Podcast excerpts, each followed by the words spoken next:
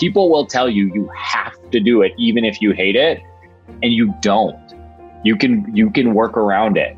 And that might be a small microcosm of the business you want to do or it might be like the big picture like oh well you know you got a degree in it so you just gotta you gotta stick out that career. No you don't. You absolutely don't. That was Dave Delanave, and you're listening to episode 192 of the Building Psychological Strength podcast, where we uncover the information, tools, and techniques to turn our mind into our most valuable asset.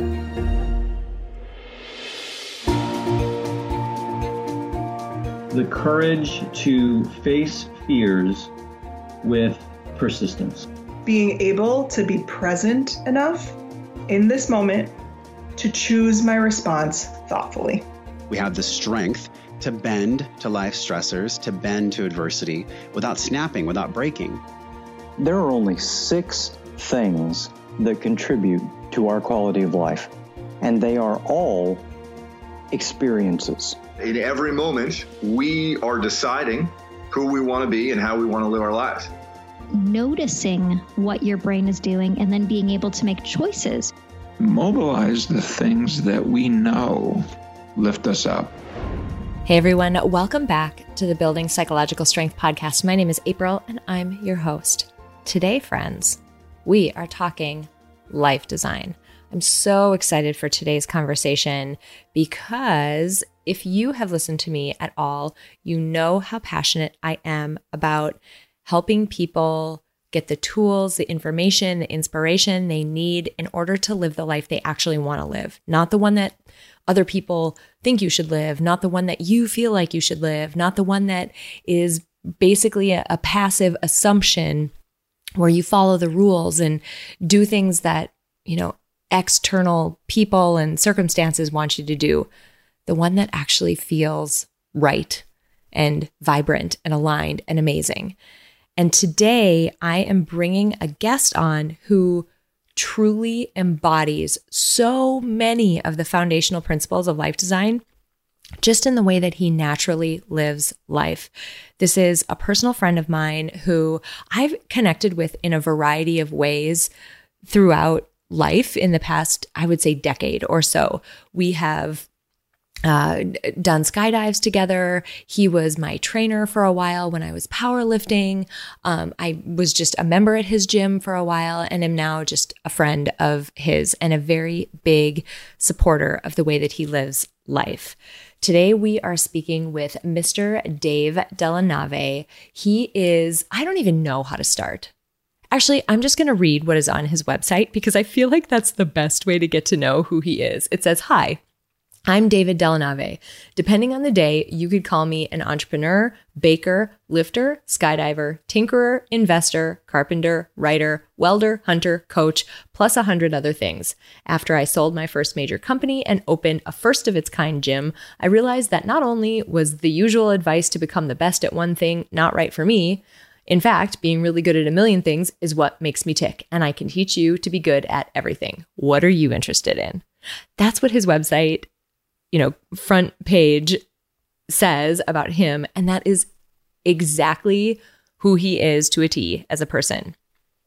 I wanted to talk to him in this episode because tell me if you've ever experienced this or tell me if you know somebody who's ever experienced this. You are going along in life, maybe it's in your job or a relationship. Typically, it's one of those really big foundational aspects of life.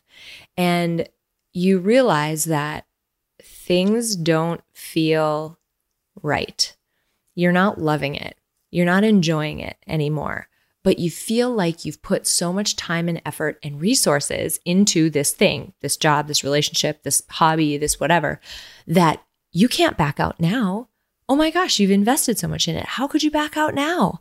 And so you continue to go and you continue to slog and you don't make any changes because you feel like you can't because of the time that you've invested so far. Or maybe this one. You don't even realize that the set of rules that you're following, the set of rules around maybe picking a major and going to college and getting a good nine to five job and working in that corporate environment and working your way up the ladder and, you know, getting married by a certain age and all of that. You followed those rules without even realizing that they aren't rules. They're not rules. They're just assumptions. And they're assumptions that a lot of people live by. And maybe they're assumptions that are really great for a lot of people, but they aren't for everyone. And I would argue that even if those assumptions are really great for you, very few people are making that choice in an active way. Very few people are saying, yes, this is the path that I want to go down and continue to go down. Instead, we all just involuntarily, we passively march to this set of assumptions that we treat as facts and rules and hard evidence when it isn't. And the whole reason why I love the field of life design is it because it snaps us out of that. One of the key components to life design is experimentation. You're basically saying, here's something that I'm treating as fact. Here's a rule that I am treating as fact. Let me experiment and mess with that to see if this fact holds water or to see if this is just an assumption that I was making that was holding me in the place that I'm at today. So that is why I'm so thrilled to have this conversation. We get into a ton, and you are not going to want to miss a second of this. We talk a little bit about Dave's background, not because like Dave is some famous person. I mean, he's fairly well known, you know, in the skydiving world and in the fitness world, um, but more so because I want to give you an example of a person who has been practicing these principles unknowingly, probably in his part, just doing what naturally comes to him, but practicing these principles for so many years. And the place that you can get to when you focus on making small changes every day, when you focus on continually just nudging your life in the direction that feels good and that feels right for you, even if it might not be right for other people. I want to show you where you can get if you continually commit to that practice. You know, so with Dave, we talk a lot about these assumptions that we treat as facts. We also talk about how for a lot of us, when we want to break those assumptions, so even something as simple as changing a hobby, instead of doing yoga, you want to take up watercoloring now, or something even more simple as I started reading a book and I decided I didn't like it halfway through, and so I want to quit the book and I don't want to do it anymore. Making small changes like that can feel like blasphemy. It can feel like we're doing something wrong, like no one's giving me permission to make this change. Who am I to be doing this? Let alone really major life changes. These small things can feel really difficult. So we talk a lot about that.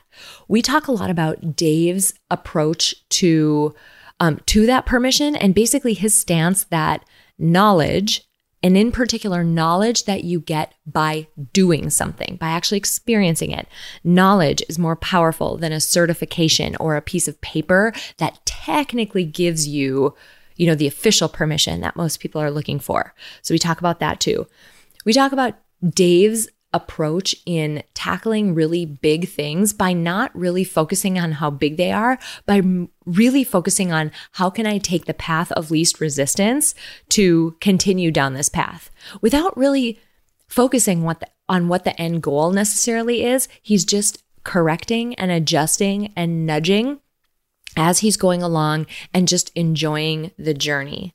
Um, we also talked about you know, t- his tolerance for uncertainty and when things are changing. Um, it's just a really meaty, loaded, inspirational conversation. I really want you guys to listen to the end of this you're really going to take a lot out of this. He's got an incredible tip at the end of this about if you are that person, if you're the person who feels stuck, if you're the person who feels like they've invested too much and can't change, if you're the person who feels like you need permission to change, any of those things where you get this inkling that there's something you want to be doing, but you're not, he has a brilliant piece of advice at the end of this episode. So you're not going to want to miss that. All right, I have gabbed on and on. Uh, it's just because I'm so excited for you all to meet this awesome human being. Um, I can't wait for you to meet him. So let's roll that interview. Dave Delanave, I am so pumped that you're here because you have one of the more interesting journeys, paths, lives, sets of experiences of anybody that I've ever met. And so I'm really excited to have what is probably a pretty cool life design conversation today. So thanks so much for being here. Thank you. I'm really excited to be here and talk about this stuff with you. Um, yeah, it's going to be fun.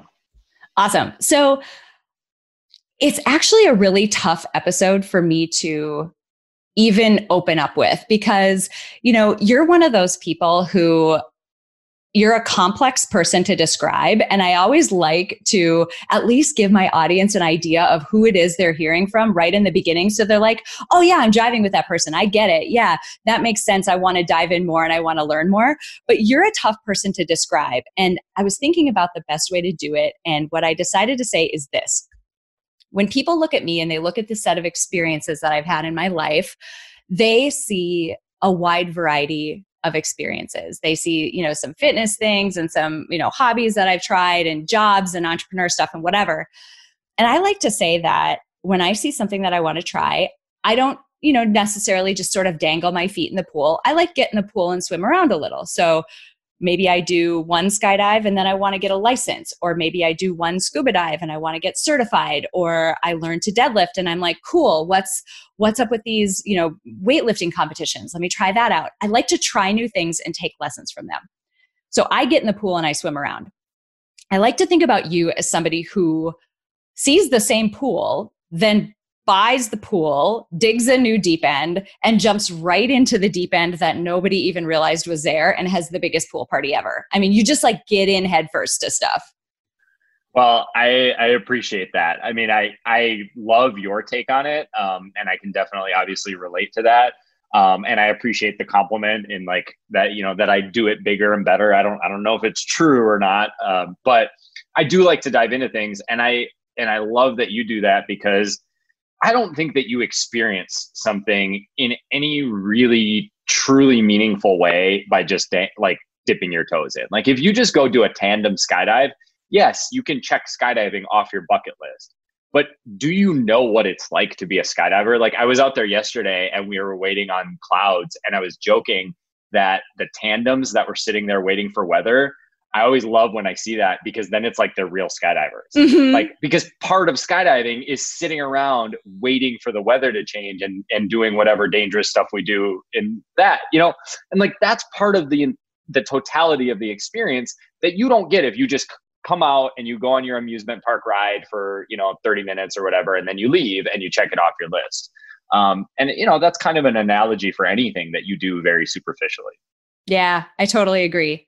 So where I'd love to jump in here is um, with an assumption that a lot of people in our society live with. Whether you realize that you live with this assumption or not, most of us, and I would include myself in this as well, but others even to more degree than this, we live with this assumption that somehow we develop into a certain person who does certain types of things who goes certain places and has a certain job and has certain people they hang out with we basically we we carve our lane and then we run in our lane for the majority of our lives. So we even something as simple we were joking before we started recording that you know people get weird uh, even a little bit about hobbies. Something as simple as what you do with your free time we see this backlash against people who sort of jump around between hobbies like well i thought you were doing yoga. Now you're going to say you're going to like watercolor paint? Like you've never done that before. There's this this set of unspoken rules in our society that you you carve your lane and you stay in it. And you super don't do that. So I'm wondering if you can tell the audience just again so they can get to know the type of person they're about to hear from a little bit about which lanes you've run in and eh, they don't even have to be ones that you're currently running in but just like ones you have decently dabbled in to got to get a good flavor for that activity sure um yeah i mean it, what one of the hardest questions for me to ever answer is whether it be like um, in an interview or an icebreaker or even like a date situation. It's like, oh, what do you like to do? And I, I just all of a sudden I'm stammering and I'm like, oh, I don't know, you know, like I, I can't answer it because uh, it's literally so varied that on any given day I don't really know how to answer a question that's that simple. And to your point, what's the number one question anybody asks someone at like a, a social event? What do you do? Mm-hmm. and it usually means work because and i don't know if this is a western thing but you are just defined by that path that you kind of described. Like what you know what what's your what college are you going to go to? What's your major? What's your degree going to be? What's your job? And then do that job forever. Um, I think maybe the easiest way to to kind of describe the my varied interests maybe is just like a really quick kind of autobiography um, as briefly as I possibly can. Um, I'm the son of an immigrant. I lived, uh, or I was born in Italy, and my dad came over here when he was 40 some years old. Um, so I got a whole set of influences from Italy that I would not have gotten, you know, being born in the States. Um, we went back to Italy every summer for about a month, usually right after school got out. My mom was a teacher. So as soon as school got out, we'd go to Italy for a month. So I had this whole set of influences there. Um, I was, as a kid, I was super into tech. Um, like one of my earliest jobs wasn't bagging groceries, it was actually uh, doing like essentially IT work for a nonprofit organization. And I was making like 20 bucks an hour in I'm talking like 93 you know as like a 10 or 12 year old i was making $20 an hour. I mean it was just unreal money at the time. Um, but then i was also into like camping and i was in the boy scouts so i was doing like outdoorsy stuff. So i had like this like super nerdy um, you know tech track going but i also had like some outdoors and like hunting and hiking and stuff like that um, and then I went to college for a little bit, and I always tell people that I Kanye'd. I didn't graduate. I decided I was finished uh, because uh, I had built a. I don't know if you remember ringtones. Uh, yeah. Yeah. Right. So I had built a ringtone website, and I'll never forget this. Uh, it was I was running Google AdSense ads on the website, which I later learned like I was only capturing maybe a tiny fraction of the advertising revenue I really could be making with the site. But with AdSense, I was making $300 a day and I multiplied 300 times 365 and I was like, holy crap, I'm making six figures. Like why why why would you stay in school if you're making six figures, right? like that's it. That's the goal. You already made it. Uh, so I quit school, pursued tech, started a company, um, sold that company. Um, that was 2007. And all along the way, because of primarily because of tech work, um, I had a lot of disposable income, and I would always pour that income into various interests and projects. So, building things is a passion of mine. Um, right now, I'm building a camper van, and that's kind of using like all of the skills that I have. Um, I was welding a bed frame the other day uh, carpentry, like you know cabinets and stuff like that. Um, electrical, like the van has full solar power and batteries, so it can be completely off the grid. Um, electronics and, and electrical stuff is a big passion of mine. That's actually what I originally went to school for was electrical and computer engineering. Um, I skydive. I mean, like I don't like to talk about myself in a self-aggrandizing way, um, but if this is what we're talking about, like I want to describe my experiences and my paths and stuff like that. Um, so it kind of have to. Um, about 10 years ago, I started a gym because I had a tremendous passion for fitness. And I, do, I don't remember, is that how we originally met or was it through skydiving? It was like an accidental post on Facebook. I saw a skydive picture of you just before I was going out to do my first tandem. Okay, cool. So we met through skydiving, and then you remember my gym and power lifted with us. Um, so I had this intense passion for fitness. And now, uh, because of essentially because of COVID, as of essentially like the last m- couple months or so, I've started telling people when they ask me what I do, I tell them I'm an olive oil importer uh, because the the COVID situation has just totally decimated the gym. And through some strokes of luck, this olive oil thing that I started about a year ago has really, really, really taken off. Um, so that's kind of the path I'm going down now. And I just uh, last November I took a crew of uh, buddies of mine, but also professional um, film and and photographers to Italy, and we did a documentary. So, uh, yeah, I think that scratches the surface of of the interests that I have. I'm going to round this out with a couple of other things as well. Um, crazy pig hunter, weird pig oh, hunting yeah. uh, trips Great. Yep. Like wild boars. True. Right. Yes. Yep. Okay, cool. And then uh, some of you may know Dave and I both live in the Minneapolis St. Paul area. The recent events around George Floyd and all of that. Dave is I don't even know if I should be saying this, but potentially or partially responsible for this amazing display that was projected onto one of the most iconic buildings in Minneapolis, St. Paul, of just images of the unrest and the protesting that was going on really across the world. But so, your hands, I asked you to go through all of that because it's skydive, it's tech stuff, it's olive oil, it's travel, it's the gym, it's entrepreneurship, etc etc., etc. Here's where I want to start. Did you ever at any of those junctures because I, I, love the the almost record scratch you had. Yeah, so I was doing this gym and now I tell people I'm an olive oil importer. It's like, what? what? Did you at any point in time ever question or feel like you weren't qualified to do the next thing that you were getting into? Or what if people think, like, who am I to do this? I'm not qualified. I don't have a piece of paper. I don't have permission. People are going to think that I'm fake. Like, did you, did that ever enter your mind at any of these steps? I mean, I have self doubt uh, all the time, but I, I don't have self doubt that stops me from doing it anyway. Um, I, you know, I have doubt that it's going to work, uh, or if if I should be doing that, or maybe I should be doing something else. But none of that ever stops me from doing it. Like if I'm interested and I want to do it and I want to try it, um, I just I just do it. Uh, yeah, I don't. I I am not a believer in qualifications, and I think we could probably do um, a whole podcast on on that. And when I say that, let me let me be clear. What I'm talking about are legible qualifications like you know degrees or certifications things like that.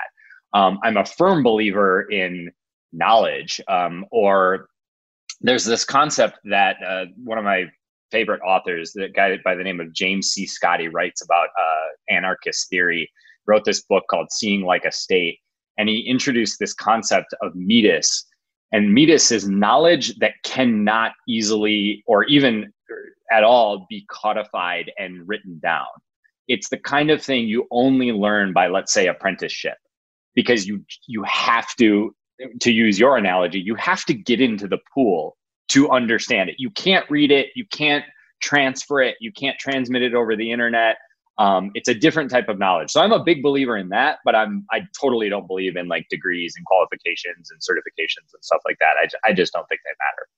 Because you, so you're doing this olive oil importing business right now. You didn't go to school for international business, did not go to school for, oh, have we mentioned, P.S., your family also just bought an olive grove, like an we olive did. tree grove? Yeah, we did. About, we bought about 200 trees of olives in Italy. That's what I mean. You bought the pool, like you bought the whole pool and dug a new deep so, end. But but that's like a perfect example. I don't have a degree in international business, or I don't have a, a you know olive oil importer certification. But what I do have are 36 years of being steeped in a culture that prizes olive oil as like one of the most important ingredients, and I have you know 36 years of going back to Italy and tasting the newest olive oil and knowing exactly where it comes from and exactly where it's made and going to places that do it the right way and going to places that do it the wrong way and knowing who is who and, and so on and so forth. That's what i do have. And that's what i'm talking about is the difference between you know qualified and certified so to speak. But that's a path and i'm i'm glad you mentioned that because that's a path that most don't see right? We've gone on and we've checked off the sort of I don't want to call them culmination boxes because I don't think you're done with any of the stuff that you're doing, but you've reached a level that people would point at you and say, wow, he's achieved how many thousand skydives? Uh, 1400 almost. 1400. Okay. So north of a thousand skydives. That's a lot.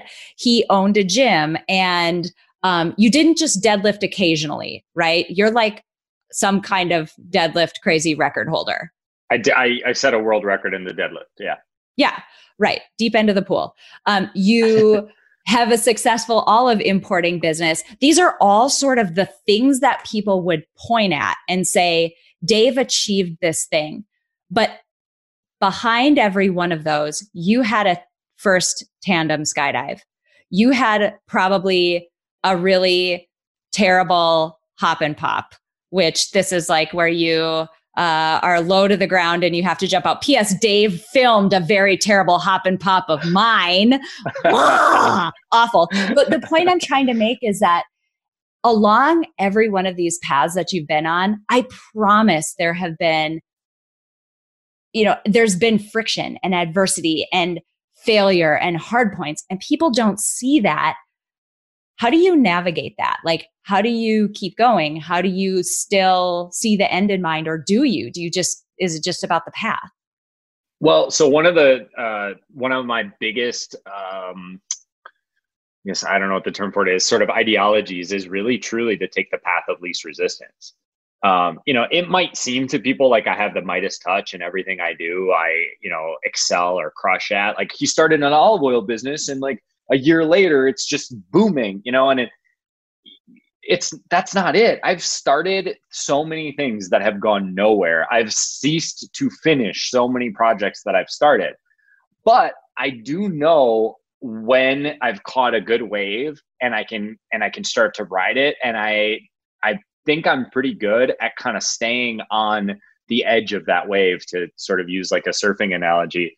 Um, like the olive oil thing was completely an accident. Um, a mutual friend of ours, who I believe you know, Joanne. Uh, anyway, it doesn't matter. Friend of ours sent me a message la- uh, a year and a half ago, January, and said, "Hey, can I get some of that great olive oil you used to get um, from your family friend? I need a case of it. I'll pay you back."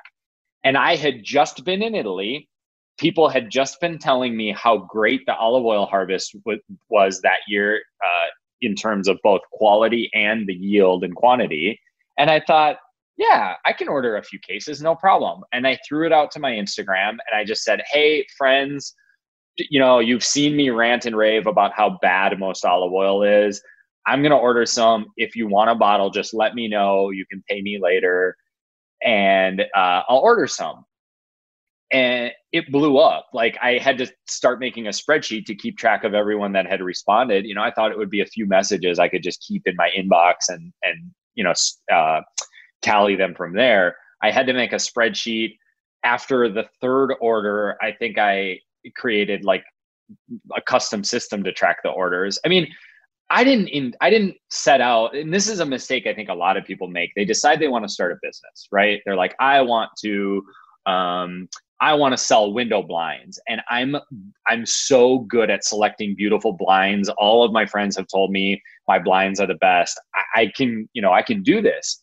And they create a business plan and a logo and they do all of these steps and then they go out to find their first customer and people are like, "Oh, I I don't yeah, I don't need help selecting blinds. I just go to blinds.com and and order, you know, the ones that look good." And they didn't consider that maybe they should have found a customer in the first place.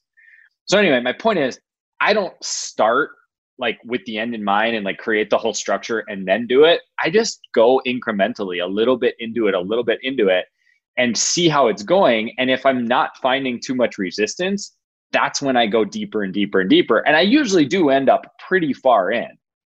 But I I don't start by going as far as I can because what I think what happens a lot of times then is you run into the resistance that maybe it's you're not actually cut out for that thing or maybe you live in the wrong part of the country to do that thing and you're just going to experience so much more resistance than if you were to do something else that is better suited um, and is going to go more easily. Um, and if you've ever surfed like the analogy makes sense because like you paddle out, but then you have to choose which wave you're actually going to take. It's just not like a continuous flow of, of identical waves and you can just hop on one. There's better ones and worse ones, and you have to choose. And there's an opportunity cost to choosing because if you choose poorly, you you get taken in by that crappy wave and then you have to paddle back out and wait for the next one. And that's the exact same thing as like starting a business and not realizing that you chose kind of the wrong path and you went too deep into it and now you got to paddle all the way back out and start over. So i'm a really big fan of kind of taking the path of least resistance and then pursuing it and and riding that wave I love that. There's a couple of things that I want to tease out of that to just tie back what you're saying to things that this audience has heard, psychological principles, because there's a lot in there. Number one, the path of least resistance. So many times one of the things that we teach people around the life design process is this brutal honesty. And I'm not talking like, I know myself and I can be authentically me and whatever. No, I'm talking like brutal honesty about what you like doing and what you don't like doing, about what you're good at and what you're not good at. Like the honesty level that comes after drinking three glasses of wine and you're like, you know what? I hate doing that. Like yeah. that part where you are willing to admit the biggest impulses of your gut and if you can somehow not only admit those to yourself, but play with them, like stay away from the stuff that you absolutely despise doing and actively try to steer the ship away from that stuff, that's going to get you a long way. So, this just brutal honesty with yourself, which again, you don't owe that explanation to anybody else, but dang it, you owe it to yourself. Like you're the person at the center of your own life and you owe yourself the gift of being brutally honest about what you do and don't like as just a guidepost. We talk in a lot of our programs about using values and signature strengths in that regard, but also this radical honesty about like, nope, I just, I just don't like it. I just don't want to. Um, it's a huge guide point to try to figure out what that path of least resistance is. The other piece that I want to call out is there is a bias or just a cognitive shortcut and and shortcoming that we all have that is called the sunk cost fallacy. The yes. more work you put into something, especially as that something doesn't work out, it, the more work that you've put into it by the point by the time you realize it's not working the harder it is for you to backpedal out admit it's not working and adjust course and do something new we see like i can't and you've probably either said this yourself, not you, Dave, because you don't have normal jobs, but like people who have normal nine to five jobs. You may have said this yourself or heard somebody else. I can't quit. I've spent so much time building my career there. Well, if you're yeah. miserable, quit. Like find a Who new cares? job. Right. Yeah. But we have this this sunk cost fallacy that somehow the effort and time and resources we've put in have been wasted. And then when you pile that on with where we started this episode around the assumption that we all in society somehow run with that we should pick our lane and stay there, you can see why people can't pivot in the way that you do so easily. They feel literally cemented in place. Yep. I want to I want to circle back to one thing you were talking about like these things that are resistance and that you hate doing them but then people tell you well you just have to do it you know it's it's just sort of like necessary. Let me give you a quick little example of that. So i've built one of the most successful gyms in the country. I mean we've been in men's health numerous times uh, as like just one of the best gyms. Uh, many many years ago when i was first starting i went to a fitness business mentorship. This like fitness business guru was putting this thing on and at some he had this whole thing about uh, phone rings, door swings, and email dings or something like that. Like it was all about the sales process, right? And he was raving about how important the phone was, like answering the phone because every time you'd answer the the gym phone, it was like a potential customer and money on the other end of the line. And I raised my hand and I was like, "Hey, I have a question. I absolutely hate answering the phone. I don't do it. I won't do it do you know of any services that I can like, you know, like subcontract out or whatever to do that for me because I'm not going to do it. I got admonished not only by all the participants, but by this guru of like, no, you have to do it. That's you're leaving money on the table. You have to do it. That's so important. You know what I ended up doing? I went home and I put uh, a voicemail message on our gym phone that said, We don't use the phone. And if you want to contact us, go to our website or email us. And is that the best thing? No, of course not. It would have been better if I loved answering the phone and talked to every person like they were like, you know, the next new gym member. But was I able to build one of the best gyms in the country despite the fact that I was unwilling to do that thing that I hated doing? Yes. So, you know, it's just like a little microcosm of an example of something that people will tell you you have to do it even if you hate it and you don't mm-hmm. you can you can work around it And that might be a small microcosm of the business you want to do, or it might be like the big picture, like, oh, well, you know, you got a degree in it. So you just gotta, you gotta stick out that career. No, you don't. You absolutely don't. Mm-hmm. Something that, uh, so I was a member of your gym for a number of years, and something that uh, you say more than once a day at that gym is does it test well? So yeah. for you individually, have you and and this is in the case of certain movements, right? Certain lifts that you might do.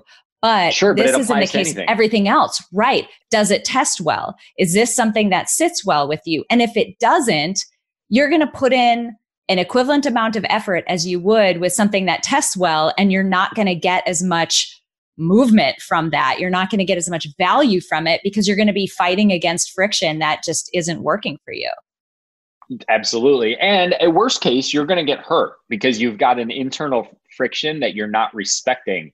And when you could be doing something that's going to get you more with so much less internal friction. And like we're talking about that specifically in like a biofeedback context where mm-hmm. you're actually listening to your body's response.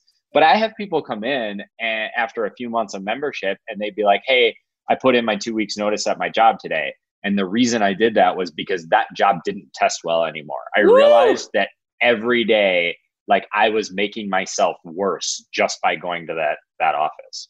Yeah. And I, that was one of the coolest reasons to even be in the gym. It wasn't the weights that were lifted; it was the life things that that came from it.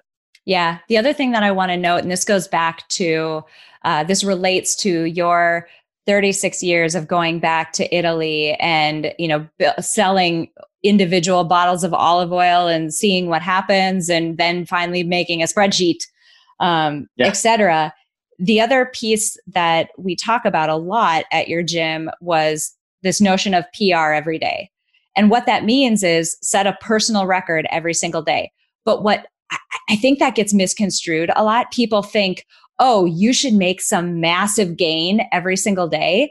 99.9% of quote unquote PRs are a fraction of an improvement over what you've been able to do the day before. You make these tiny incremental steps and improvements forward that over time add up to a massive shift. James Clear in his book Atomic Habits talks about this a ton. He says each behavior that you do is a vote in favor or against the person that you want to be.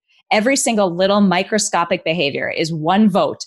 You're either voting for or you're voting against it with the behaviors that you do. That is such a microscopic level to look at this. And I think that makes the big things that you've done if you think about the microscopic decisions you were making and the microscopic steps that you were taking, it makes it all less intimidating because we're talking Definitely. about, oh, I got an email from a friend. Yeah, let me just get you a bottle of olive oil. Like that's not scary. You no, can not at all. a bottle of olive oil. Like that's okay, right? Yeah. Yep.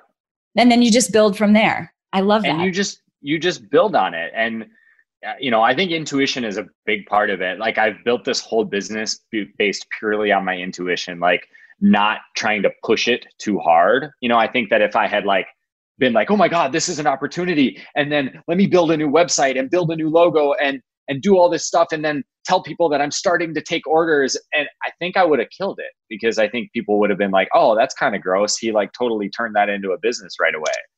Um, but instead, I just gradually, slowly built it up, always cognizant of the fact that if I pushed too hard, instead of taking that path of least resistance, if I tried to push on it, I'd actually force it and break it.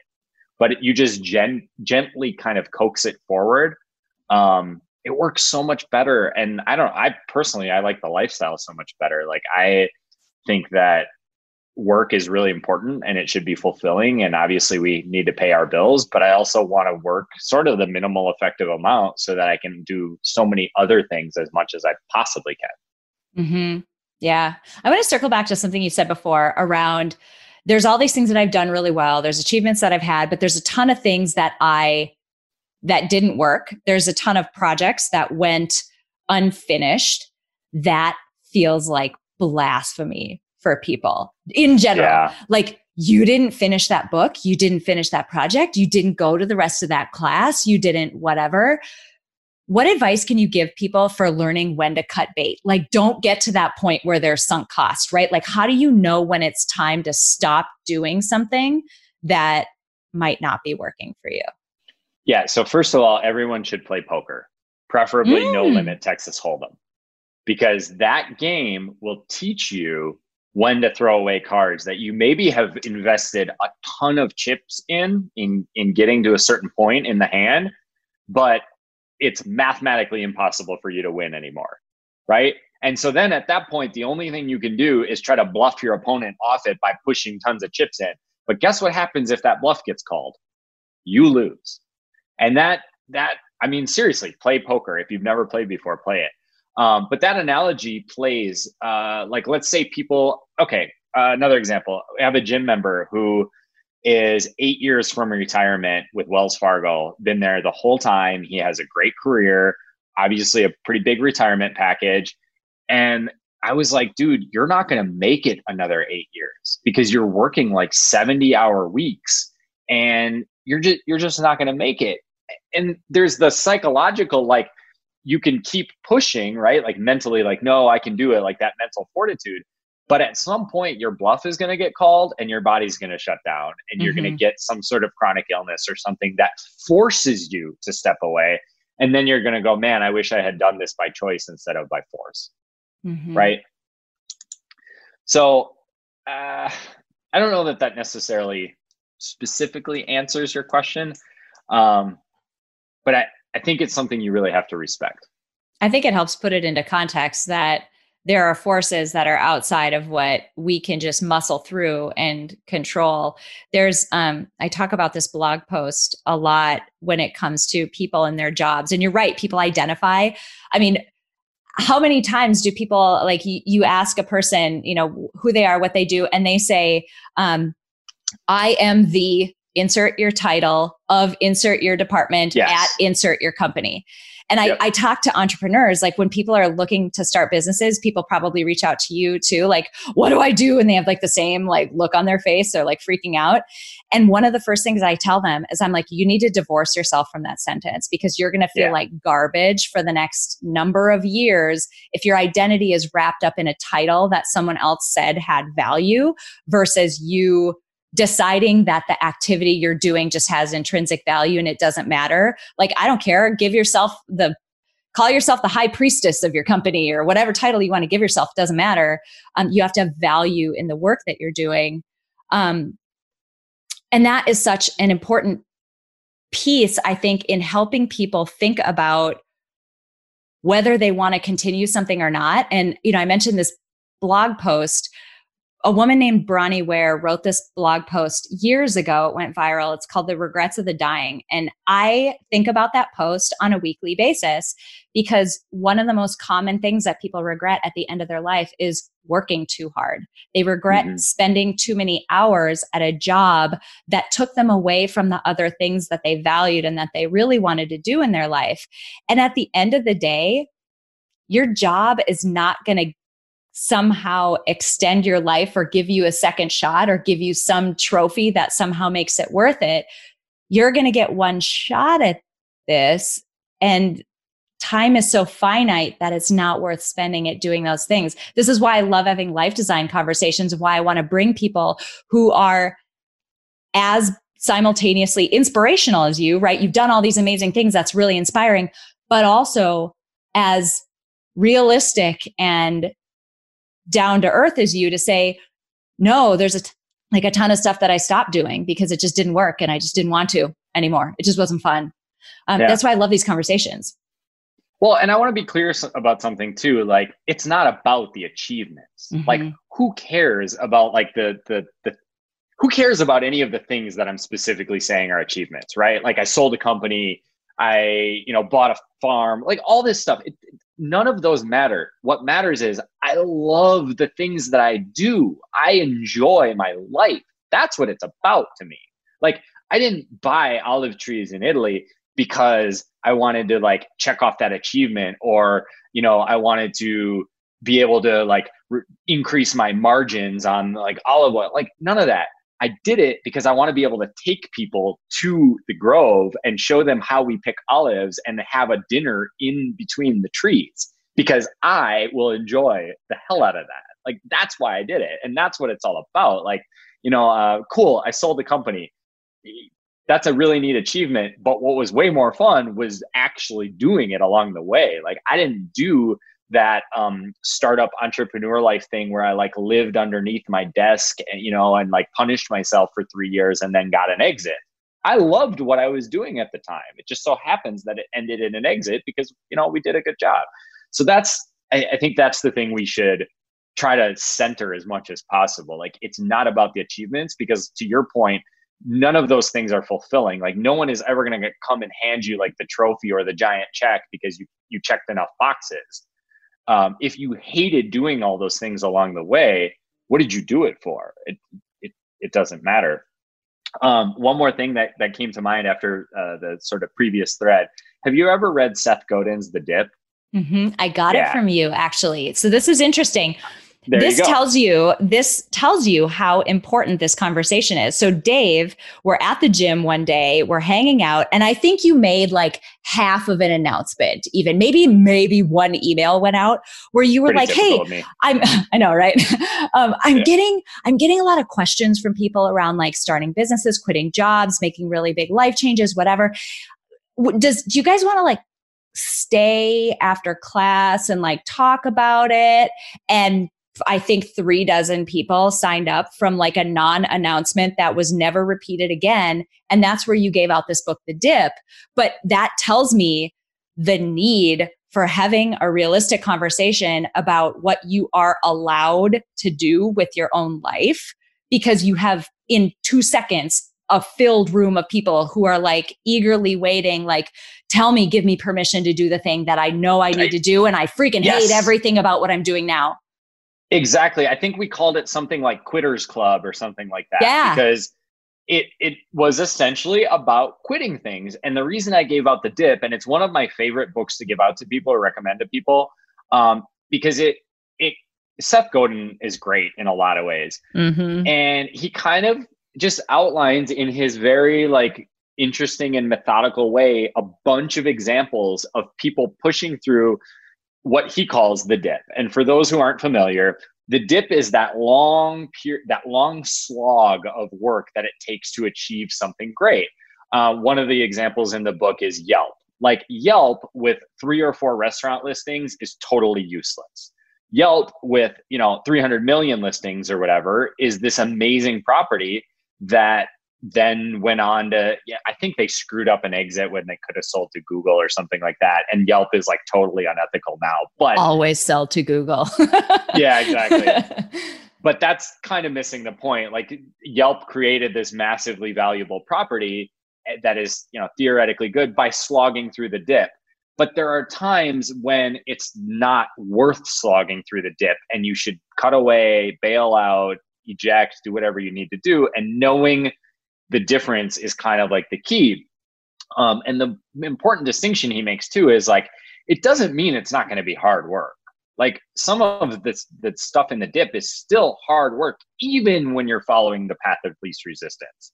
But the whole idea is to not make it harder than it needs to be. Mm. And to know when it's time to cut away. Um, you know, my example with the gym is I saw the writing on the wall with COVID, and I knew that we could try to fight against it despite it being an uphill battle. I think that we'll probably have another shutdown period sometime in the late uh, fall. And I just didn't see the gym surviving multiple shutdowns within a 12 month period. Could we have survived one? Yeah, probably. But what I did instead was I saw that dip coming and I was like, no, this is not a good dip to fight through. I'm going to cut away. And I converted the gym that was super successful into essentially like a co op model where the members that were currently there are sharing the expenses. And it's not a job for me anymore. Like i make zero i still kind of manage some of the the administrative of it but i make zero dollars from it. Um, and that's okay because the alternative was pouring my heart and soul into this thing that was essentially dying because of forces i can't control. And mm-hmm. i see fellow industry people gym mem- uh, gym owners doing this right now killing themselves to try to save their gyms. And i'm kind of like guys, I, I get it. I get it. But to use your sunk cost fallacy that we've talked about, like it's a sunk cost, guys. You had a good run. You know, I had a good decade run with the gym.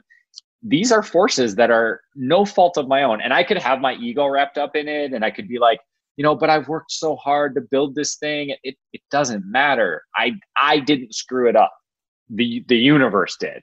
So what do I do? I I pivot, I change direction. I figured out how I could sort of save the important part of the gym, which was giving the people that valued it as, you know, there's been people that have told me like there's no other place like movement. I can't imagine working out at any other gym. Mm-hmm. So I've I've preserved that place for them as much as I can.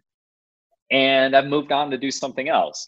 So, you know, if anybody's listening and you're kind of on that fence and you want to join the quitters club, um, I would definitely recommend the dip. It's like a 20 minute read, you know, typical Seth Godin. It's really, really quick. Um, and I think it's really valuable and it might help you tease out when it's worth pushing through and when it's worth uh, cutting away.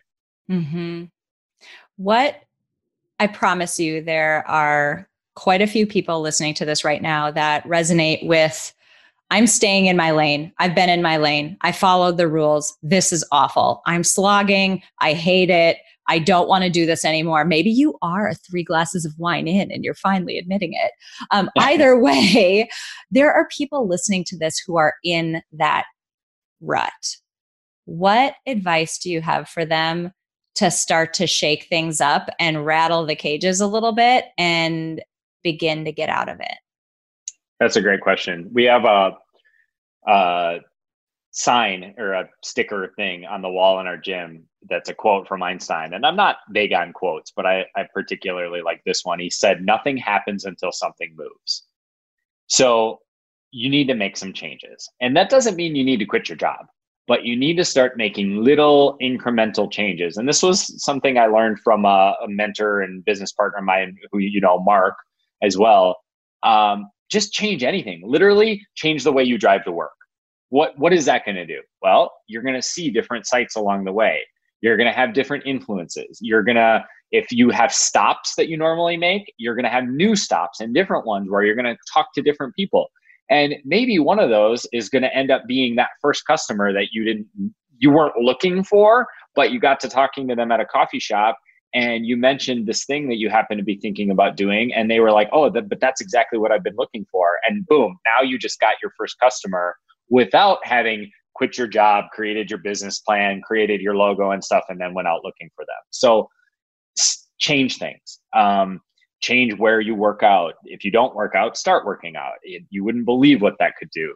Um, literally anything, but look at your, most people are incredibly, they think that they're, uh, they think that they're exerting free will in all of their choices all day long.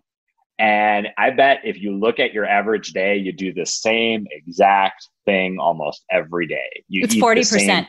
40% of behavior during okay. a day is involuntary. Like there you go. We aren't even paying attention to any of it. It's crazy. Nope. yep. You drive the same way, you eat the same things, you see the same people, you do you do everything the same. Even if and and by the way, I'm not exempt from that, right? Like Mm-mm, no one is.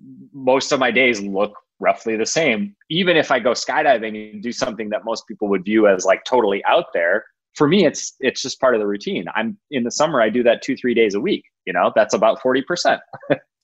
so uh, that's that's my advice is start changing things it doesn't matter what it is just change it up you never eat takeout thai food great start taking doing takeout thai food just change it up i love it what how would you describe psychological strength what does it mean to be psychologically strong to you so the definition that i use for physical strength is and I forget exactly how I typically word this, but something to the effect of the ability to produce, reduce, uh, redirect, and maybe one other uh, word in there, force. That's what strength is.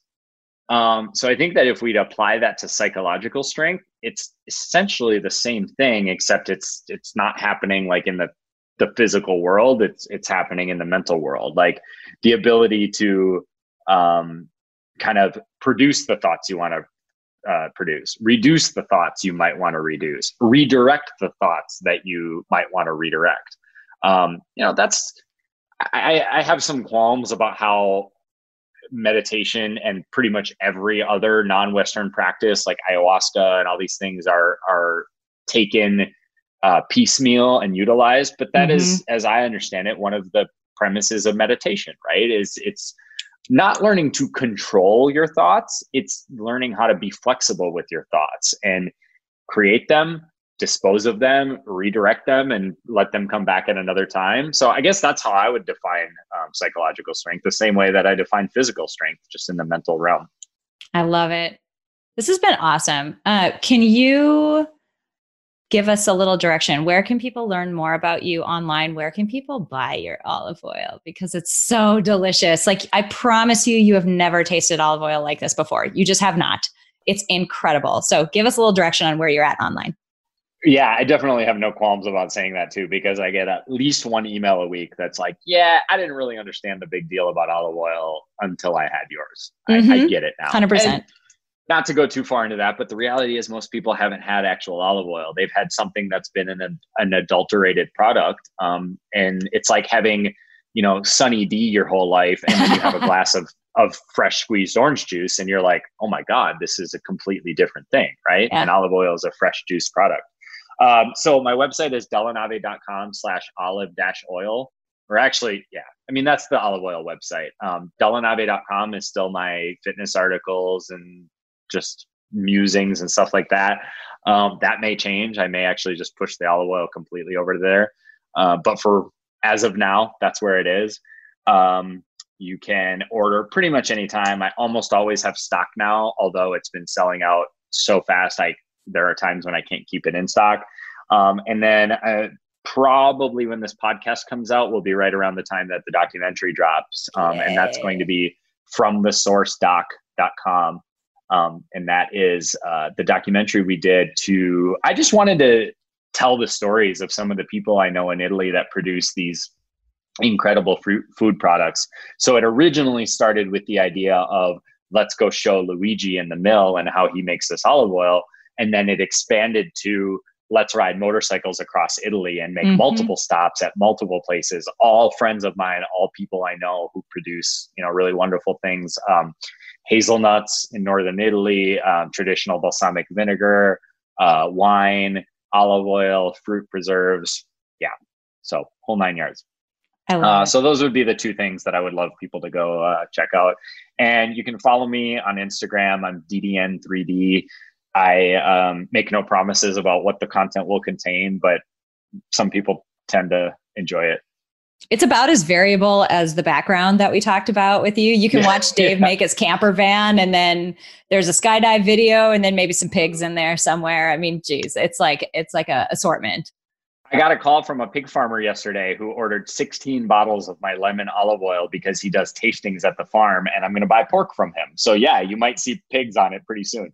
That's awesome. I love it. Yeah. Dave, this has been fantastic. I got your email about the fact that your family bought this grove of olive trees. And it was just the spark that I'm like, we have to have you on to have this life design conversation because there are ways that you approach life, assumptions that you check and test and experiment with and cast aside, and just ways that you incrementally test your way into you know new lanes and new paths that i knew that people had to hear from you.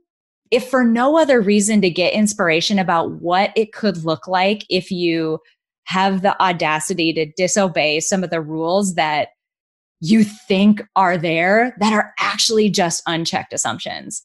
So i appreciate so much that you're here. Um, it's just been wonderful and i uh, I can't wait to see these olive trees and where all of this where all of this goes. So thanks so much. Me too. Thank you for having me. It's been really fun. Um, I hope that it feels weird to say that I might be an inspiration, but I but I hope that that's what it is. And I do get messages from people. They're like, "Hey, I love seeing all your projects on Instagram because it inspires me that maybe I can tackle it." And you know, if that's the effect it's having, I think that's really cool, and I'm I'm encouraged by that.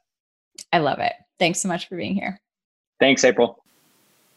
Tell me if this sounds like you. I'll finally be happy.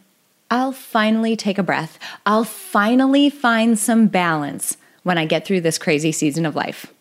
We hear that from so many people, and the fact is, many times, life is just a crazy season. All of it. Between your career, your family, your community obligations, attempting to have a social life, and trying to fit in self care, whatever that is, we end up feeling stretched so thin. Now, I want to challenge you to think about things differently.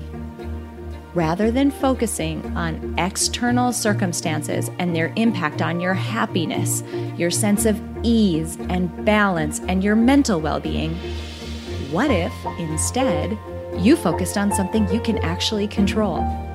What if you built the psychological strength that would allow you to thrive through life when things are going well and even when they're not?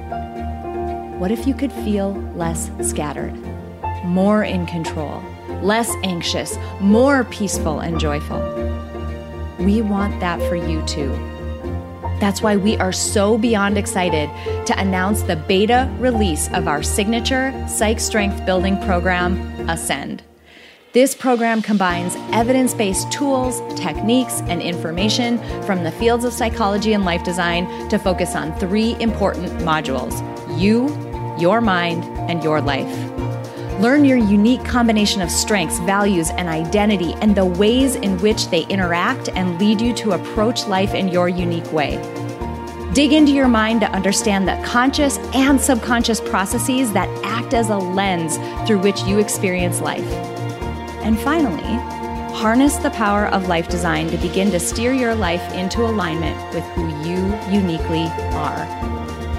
Enrollment in this beta round of Ascend is open now, and because it's our beta round, the price is astonishingly low. So if you have ever had even a suspicion that you could benefit from building psychological strength through a guided, science backed experience, now is the time.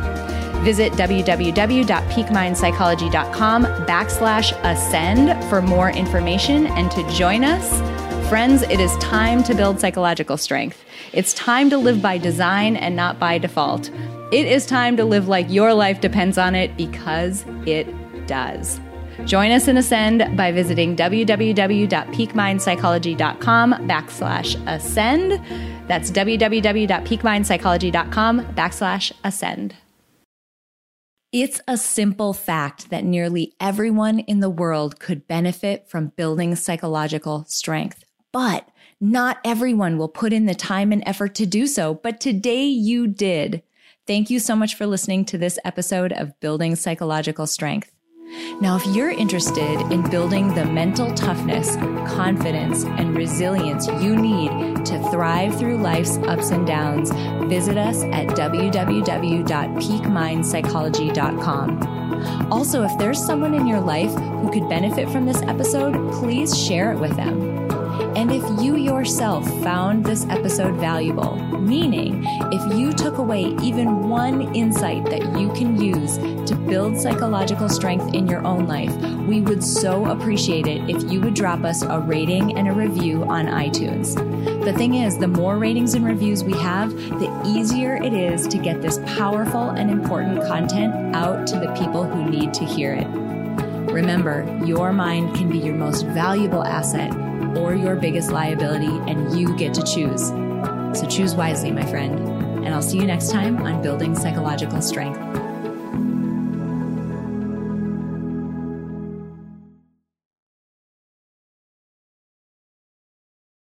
At Parker, our purpose is simple. We want to make the world a better place by working more efficiently, by using more sustainable practices, by developing better technologies we keep moving forward. With each new idea, innovation, and partnership, we're one step closer to fulfilling our purpose every single day. To find out more, visit parker.com/purpose. Parker, engineering your success. As humans, we're naturally driven by the search for better. But when it comes to hiring, the best way to search for a candidate isn't to search at all. Don't search, match with Indeed. When I was looking to hire someone, it was so slow and overwhelming. I wish I had used Indeed. If you need to hire, you need Indeed. Indeed is your matching and hiring platform with over 350 million global monthly visitors, according to Indeed data, and a matching engine that helps you find quality candidates fast. Ditch the busy work. Use Indeed for scheduling, screening, and messaging so you can connect with candidates faster. And Indeed doesn't just help you hire faster. 93% of employers agree Indeed delivers the highest quality matches compared to other job sites, according to a recent Indeed survey. And listeners of this show will get a $75 sponsored job credit to get your jobs more visibility at Indeed.com slash podcast. That's Indeed.com slash podcast. Terms and conditions apply.